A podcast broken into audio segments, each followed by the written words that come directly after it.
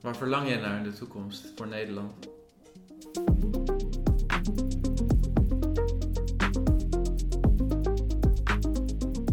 Waar verlang jij naar in de toekomst voor Nederland?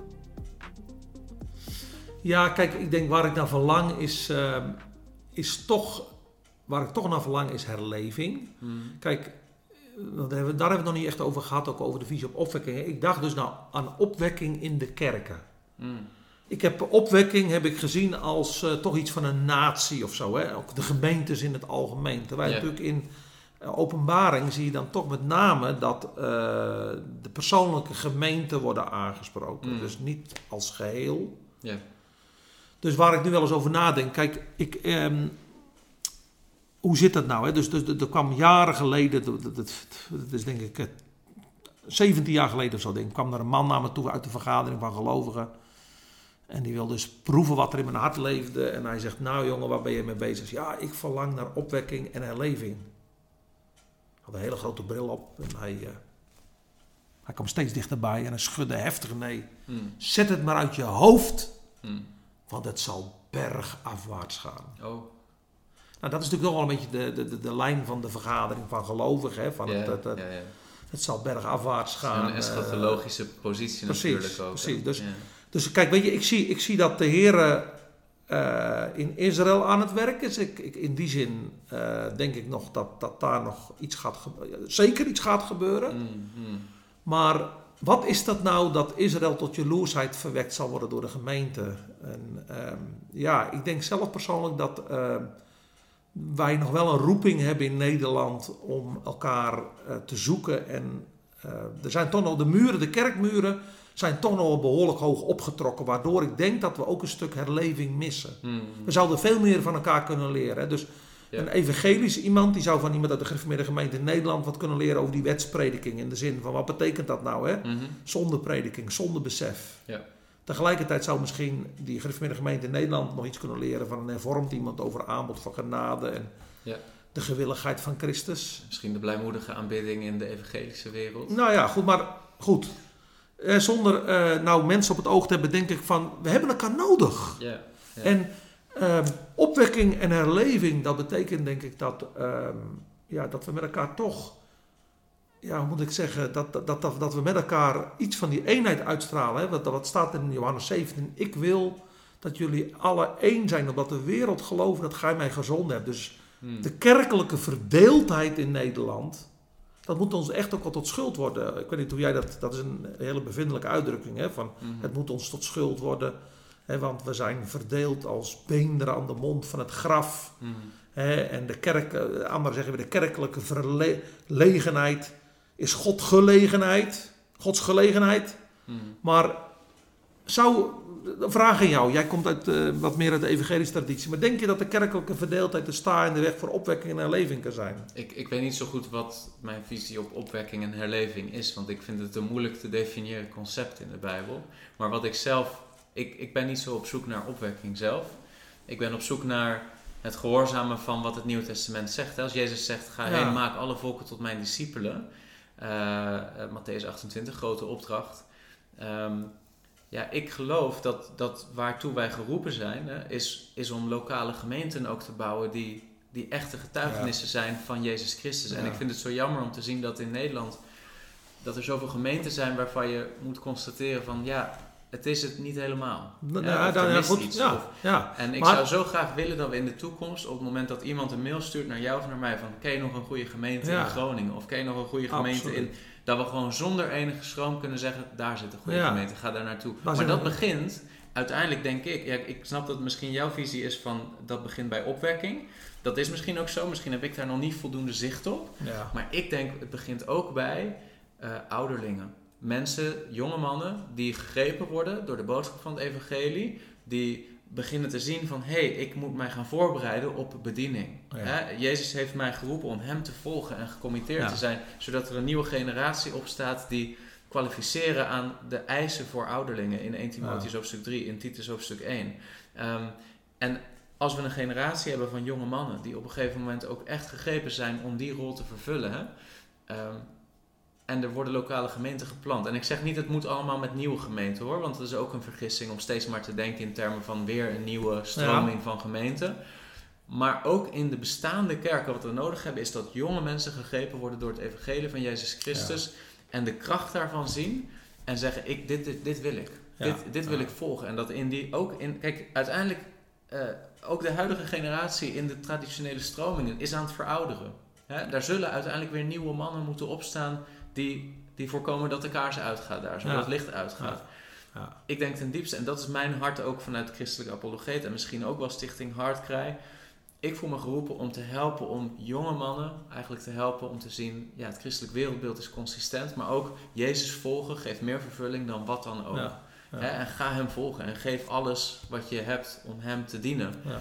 Zodat we in, en dan hoop ik dat deze generatie straks, of dat het nu in bestaande lokale gemeenten is, of in nieuwe kerken die geplant worden, maar dat we gaan zien dat er meer van die Nine Marks gemeenten gaan komen, Ja. die gewoon hè, als het ware het Radicaal gebalanceerd. radicaal, woordgecentreerd, Ja. maar, maar niet dood.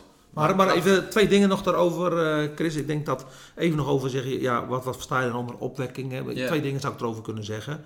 Van, ik, ik zeg wel, ik gebruik deze definitie wel eens. Hè, van, eh, opwekking is instroming van goddelijk leven in een lichaam wat dreigt een lijk te worden. Mm, Nou, dan heb je het echt, dan heb je het echt over een, een plaatselijke kerk waar het dodig is. Ja. En ik heb er met broeder Zek wel eens over gesproken. Van ja, hoe zit dat nou? En ik vond het toch wel heel mooi, wat, dat heb ik onthouden. Maar broeder Zek zegt, Arjan, wat belangrijk is, is het leiderschap deel van het probleem of deel van de oplossing? mm, mm. Als het leiderschap deel van het probleem is, dan moet je blijven. Of sorry, nee, sorry, nee, dan moet je misschien wel vertrekken. Misschien vertrekken. Maar als het leiderschap deel van de oplossing is, dan moet je wachten en bidden. ja, Hè, om, en, en, en- en die leiders ondersteunen om naar die gemeente uit te strekken. ja, Dat is de eerste. Dus eh, het dreigt dodig te worden, weinig geestelijk leven, maar er is leiderschap wat daar ook aan mee wil doen. mhm, En dan is er hoop. Het tweede is, en dan komt het gewoon eigenlijk bij wat jij zelf zegt, van joh, weet je, ik, ik ben bezig om, ehm, eh, om, om, laat maar zeggen, gewoon zelf te wandelen met de heren, maar dat is wat Charles Finney zegt. mhm. Eh, Oké, je kan meer van Finney zeggen en vinden. Figuur, hè? Maar goed, ik vind het wel mooi. Hij zegt, opwekking is niets anders dan onmiddellijke gehoorzaamheid aan God. Mhm, mhm. Je had het over net over gehoorzamen.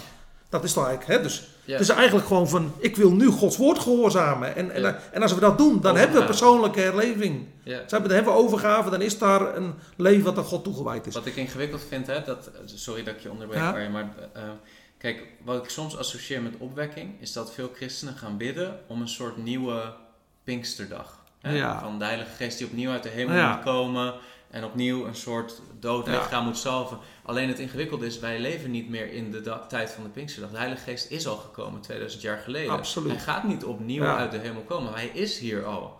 Maar, dus- wat, maar hoe zou je dat willen noemen dan? Dat in het jaar 2000, hè, dus toen dat verlangen kwam, massale beweging van jongelui die Ja. samenkwamen, die gingen bidden op de knieën. Ja, nee, dat, dat, wat ik Dus- geloof is dat... Dus wat wat gebeurt er dan? De Heilige Geest is in Nederland. Ja. De Heilige Geest is aanwezig Ja. in de harten van vele mensen die opnieuw geboren zijn. Maar wat ik denk dat het probleem is, is mensen zijn weliswaar verzegeld met de Heilige Geest, maar niet vol van de Heilige Geest. Hè. Mensen hebben, en daarom zegt Paulus volgens mij in de Efezebrief heel duidelijk tegen mensen waarvan hij zegt, u bent verzegeld met de Heilige Geest, zegt hij toch, wees vervuld met de Heilige Geest. Dat is een gebod. Ja. Ik denk dat er in Nederland niet veel mensen zijn die vol zijn van de Heilige Geest. Ik denk dat Nee. dat veel mensen toch bepaalde kamertjes in hun hart gewoon de Heilige Ja. Geest daar geen toegang Nou ja, dat, is- ik vind het wel mooi om even nog. We, we zijn iets te snel nu gegaan, maar even, dit nog even ook. Nou, wil ik even jou in de reden vallen. Maar dat vond ik Ja. zo mooi dat broeder Maarten Ezinga, Ja, die overleden is, die zei altijd: hè, want dat is voor mij ook wel een, een, een eye-opener geweest. Maar op het moment dat wij wederom geboren worden, ja, komt de Heilige Geest in al zijn volheid in ons wonen. ja, dat geloof ik ook. Ja. Alleen, de vraag is: heeft hij ook alle ruimte in ons leven, al de kamers van ons hart? Geef je jezelf volledig Ja, over. ja. En, en wat we toen natuurlijk zagen met die jongerenbeweging, hè, was natuurlijk ja, dat, dat heel veel jonge mensen in een korte tijd dat, dat wilden. Mhm. En dat dat aanstekelijk was. ja. Maar goed. Ik denk dat dus- dat nog steeds zo is. Maar, maar dus, dat, dat is nog steeds zo, maar, Ja. maar, maar er is wel een, het is wel een periode van een soort een seizoen van een, een frisse tegenwoordigheid van de Heer.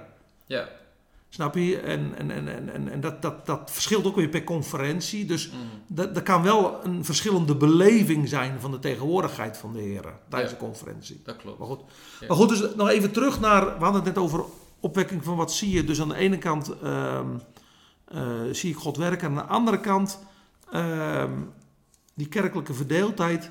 Ik hoop wel dat, ehm, dat kerken elkaar nog gaan vinden. Hmm. Ook in het bereiken van die witte maagdelijke gebieden. Mhm. Hè, van waar nog geen Bijbelse kerken zijn. Dus Ja. ik vind het een spanningsveld, Chris.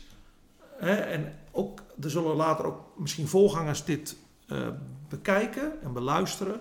Wat mijn spanningsveld is, hoe kunnen wij de bestaande kerken die er zijn zegenen en niet voor hen een bedreiging zijn. En toch doorgaan ook met nieuwe Bijbelse gemeentes oprichten. Kijk, wij zijn daarin heel terughoudend geweest. Hè? Dus in- in- we hebben daarin niet een lead genomen. Nee. Maar ik merk, wat jij zelf zegt, door de vele telefoontjes die we uit het land krijgen, dat we hierin misschien ook wel moeten gaan opstaan. En jij geeft aan, Mm. daar wil ik ook in investeren. Dus ik zou Mm. zeggen, welkom om daarin mee te denken. Maar hoe kunnen we in de Bijbelbelt, waar al zoveel kerken zijn, het soms verantwoorden dat er ook toch nog weer nieuwe gemeentes ontstaan? Dat vind ik, daar zit bij mij heel veel eh, moeite eigenlijk. Want kijk, als ik, eh, mijn broer Peter, die is naar Limburg verhuisd, naar Bundemeersen. Mhm. En die is nou al jaren in Beek bezig om gemeentes op te zetten. Nou, iedereen zegt eh, geweldig, mooi. Daar, Ja. daar hebben ze geen moeite mee. Ja.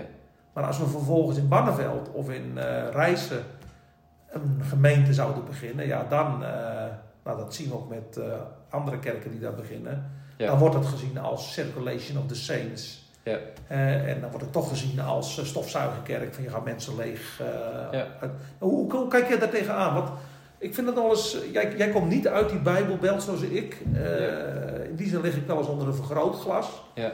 Kan ik daar niet met veel mensen over praten, maar Ik denk uiteindelijk dat we moeten beginnen bij Jezus en niet bij zeg maar, de situatie zoals die in Nederland is. Hè?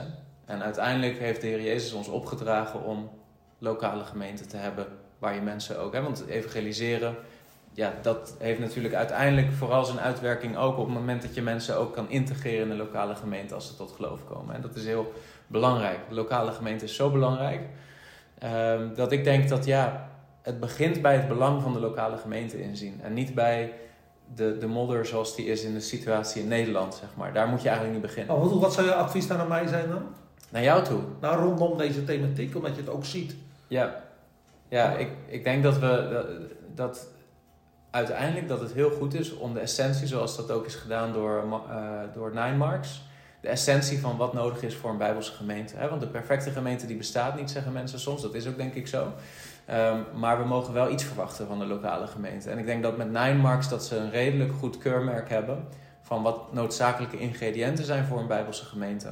En ik denk dat we, we mogen denk ik gevestigde gemeenten, maar ook ehm, eh, ja, de- de- zeg maar nieuwe gemeenten uitdagen om nou ja, meer zicht te hebben van heb, in, in hoeverre voldoen wij aan dat soort kenmerken, zeg maar. Maar heel vaak zie je dat die nieuwe gemeenten toch weer eh, andere eh, eh, christenen uit andere kerken trekken. Ja, Kijk, jij, jij, jij geeft leiding aan een gemeente, eh, een Roemeense gemeente. Nou, ook Mhm. daar zal men geen moeite mee hebben, omdat dat, daar is niets voor. Hm, Maar als je natuurlijk eh, hier in jouw woonplaats eh, of eh, nou ja, in een andere plek van de Bijbelbelt, waar, nou, waar soms al gewoon 25 verschillende gereformeerde kerken zijn, en je daar gewoon een christengemeente begin, begint, jij, jij hebt daar minder moeite mee, denk ik, hè, vanuit jouw traditie. Het- maar dat is wel heel sterk de vraag, oké, de gemeenten die er nu zijn, in hoeverre zijn die nog veranderbaar en kunnen die ook nog komen tot een meer bijbelse En wat bedoel jij met veranderbaar? Waar zouden ze dat in moeten veranderen? Nou ja, in de zin van op het moment dat er een kerk is waar duizend leden zijn en er gaan maar vijf aan het avondmaal. En je hebt te maken met echt een onbijbelse hypercalvinistische theologie bijvoorbeeld. En je gaat dat gesprek aan met dominees, maar men ziet daar geen probleem. Ja, dan, dan vrees ik dat je niet anders kan dan een nieuwe gemeente in dat gebied starten. Omdat dat, dat, is, eh, dat is bijna, dat is zo ver verwijderd van de opdracht die Jezus ons heeft gegeven. Dat zo'n gemeente bijna meer onderdeel van het probleem wordt dan van de oplossing. En ik denk dan, dan heb je op een gegeven moment de situatie dat ja, een nieuwe lokale gemeente starten nodig is. Omdat er anders geen levend getuigenis is van wie Jezus Maar je ziet wel dat in andere landen, of zoals in Amerika, dat dat ontspannender Mhm. ligt als in Nederland. Want in Nederland zie je toch dan, eh, het wordt toch gezien als concurrentie. Ik Ja. vind dat heel moeilijk. Ik vind, het, ik vind dit heel moeilijk bespreekbaar eigenlijk. Ja. Het is ook iets wat ik misschien wel een klein beetje heb weggestopt. Ja, Dat ik er liever niet over nadenk. Maar ik, ben, ik denk wel dat we op dat punt zijn gekomen. ja, Dat we hier dan ook echt gewoon ook moeten opstaan. Omdat ik ook gewoon wel zie dat een jongere generatie hier echt naar verlangt. ja. Nou, misschien is dat ook goed om, gezien de tijd, om daar nog eens over door te spreken. Ja, Ehm, want ik denk dat daar veel over te zeggen is. Hè. Er is dus namelijk ook een andere kant van de medaille. En dat is dat veel mensen die eh mail sturen en ontevreden zijn met hun huidige gemeente... soms ook gewoon dingen hebben waarin ze zelf misschien niet de makkelijkste mensen zijn. ja. Hè? En op elke nieuwe gemeente op een gegeven moment, om wat voor reden dan ook, zich niet thuis gaan voelen. Eh, Arjen, ik wil je bedanken voor het feit dat je bij mij was. We hebben veel kunnen bespreken. Eh, ik denk ook dat we de video eh, in een paar verschillende delen gaan splitsen. Maar ehm, eh, ja, ik wil jou bedanken dat jij hier was, dat je dit gesprek wilde voeren met mij. Ik hoop dat je nog een keer terug wil komen. Ja, zeker. En ik vond het ook heel fijn. En ik denk dat, ehm, ja, ook voor, de, voor degenen die de video's gaan bekijken, dat, dat ze ook iets van mijn hart hebben geproefd, denk ik. Hoe ik ook sta, eh, hoe ik ook sta in ehm, bepaalde, eh, hoe ik terugkijk op bepaalde dingen, maar ook, denk ik, ook hoe wij ja, nu ook eh, soms worstelen met dingen. Ja. hè. Dus, Ja. dus ik denk dat, ehm, ja, weet je, we zijn ook werken. Ik zeg, dat is, dat is een beetje een gevleugelde uitspraak van mij, of twee gevleugelde uitspraken. We zullen zien hoe de geest het leidt. Ja. En we zijn en blijven allemaal werken in de uitvoering. Zo is en het. dat is denk ik ook iets wat, eh, ja, wat ik ook echt, eh, echt eh, tot in het diepst van mijn hart ook echt geloof. Ja, nou, ik waardeer sowieso die houding in jouw bediening. Enerzijds radicaal in de prediking van Gods woord. Anderzijds nederig en bereid blijven om jezelf te toetsen. En ook soms gewoon aan te geven, hé, hey, misschien hadden we dat handiger kunnen doen. Ja. Maar ik wens jou heel veel zegen in jouw bediening. En ik hoop dat we spoedig weer doorpraten. Ja, Ik hoop dat deze video nuttig was voor jou. Als dat zo is, druk dan op like. En wil je vaker dit soort apologetische video's zien, abonneer dan op dit kanaal. Tot de volgende keer.